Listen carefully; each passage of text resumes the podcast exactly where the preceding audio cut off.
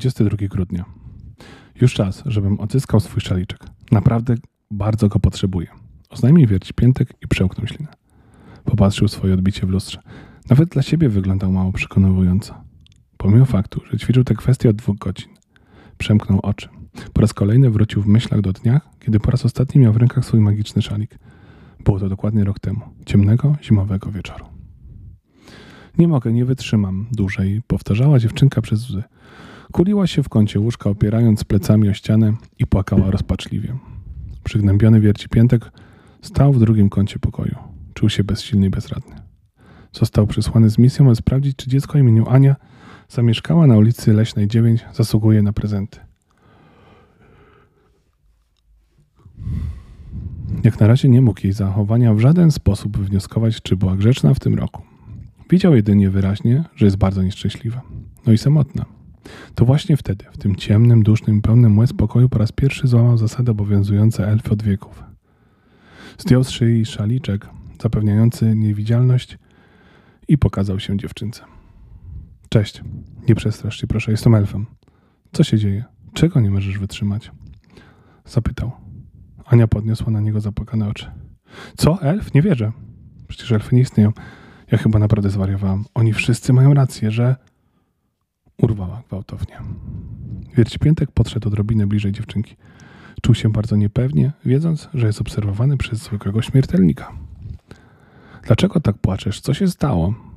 Z czym wszyscy mają rację? Że jestem jakąś dziwaczką. Ania rozpłakała się na dobre. Nikt mnie nie lubi w nowej szkole. Wyznała przez łzy. Mówią o mnie, że się dziwnie ubieram, że słucham beznadziejnej muzyki, że zawsze robię coś głupiego. Ciągle się na mnie patrzą i chichoczą.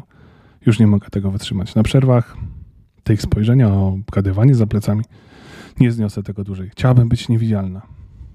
Wierci Piętek w zamyśleniu spojrzał na trzymany w ręku szanik. Kawałek materiału, który potrafił magicznie sprawić, że noszący go stawał się niewidoczny dla ludzkich oczu. Weź go, powiedział nagle.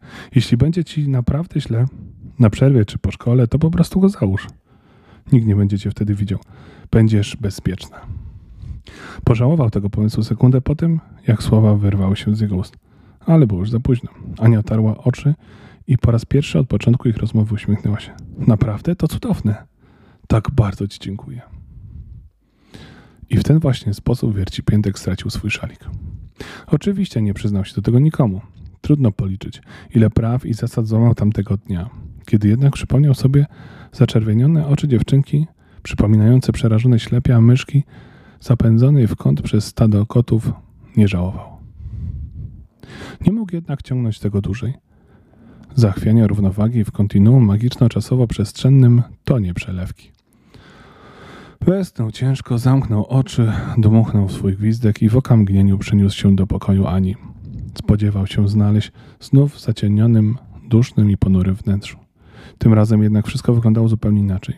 Zasłony przy oknie były odsunięte, do środka wpadały łagodne promienie zimowego słońca, a na ścianach wisiały kolorowe rysunki i plakaty.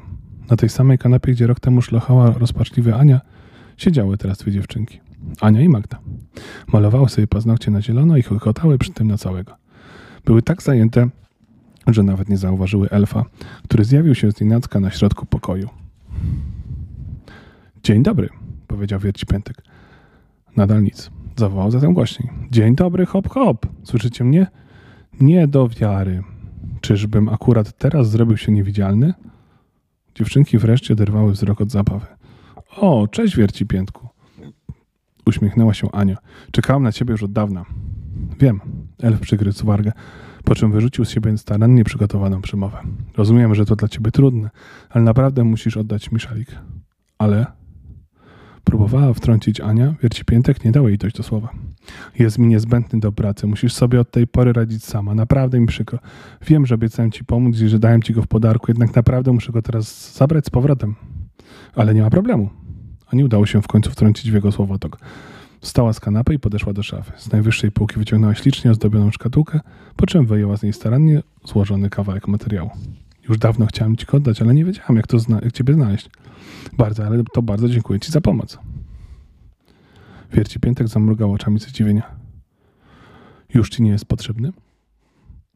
Naprawdę? To super, ale jak to? Ania wzruszyła ramionami. Zeszły rok był dla mnie bardzo trudny. Przeprowadzka, nowa szkoła, zupełnie nie mogłam się odnaleźć. No i nasza klasa zachowa się naprawdę okropnie w stosunku do ciebie. Trzeba przyznać, dodała Magda. Fakt, czułam się taka samotna i ciągle wyśmiewana. Nie mogłam tego wytrzymać. Naprawdę marzyłam, aby zupełnie zniknąć. I coś się zmieniło? spytała z ciekawości. Mój tatuś zauważył, że coś jest ze mną nie tak. Nie chciałam na początku o tym rozmawiać, ale w końcu odpowiedziałam mu o kłopotach w szkole. I co, zabrał cię stamtąd? Nie. Porozmawiał z naszą wychowawczynią i z psychologiem szkolnym. I trzeba przyznać, że wszyscy naprawdę się przejęli, wtrąciła Magda. Jeszcze nigdy przedtem nie mieliśmy tylu pogadanek i zajęć na godzinach wychowawczych na temat tolerancji, życzliwości, szacunku dla innych. Myślałem, że klasa jeszcze bardziej mnie po tym wszystkim znienawidzi, ale chyba do nich dotarło. Przynajmniej do części. W każdym razie przestałem się czuć taka samotna i bezradna. I zaprzyjaźniłyśmy się. Magda roześmiała się radośnie. Mnie też przedtem brakowało dobrej koleżanki, ale Ania była zawsze taka zdystansowana i ponura, że myślałem, iż uważa się za kogoś lepszego i chce trzymać się z dala od nas. Dopiero kiedy na zajęciach z panią psycholog zaczęliśmy rozmowę o emocjach, okazało się, że większość z nas się po prostu boi. Boi czego? Pokazania, kim naprawdę jesteśmy, uznania za dziwaków, odrzucenia. Aż w końcu odkryłam, że nie potrzebuję już być niewidzialna, zakończyła Ania. Nie mam po co się ukrywać. To świetnie. Wiercipiętek poczuł, jakby ogromny kamień stoczył się z jego ramion i z wielkim hukiem spadł na podłogę. Wyprostował się i odetchnął z ulgą. Cieszę się, że u was wszystko się ułożyło, a teraz muszę lecieć. Zaraz święta, a mam jeszcze sporo do zrobienia.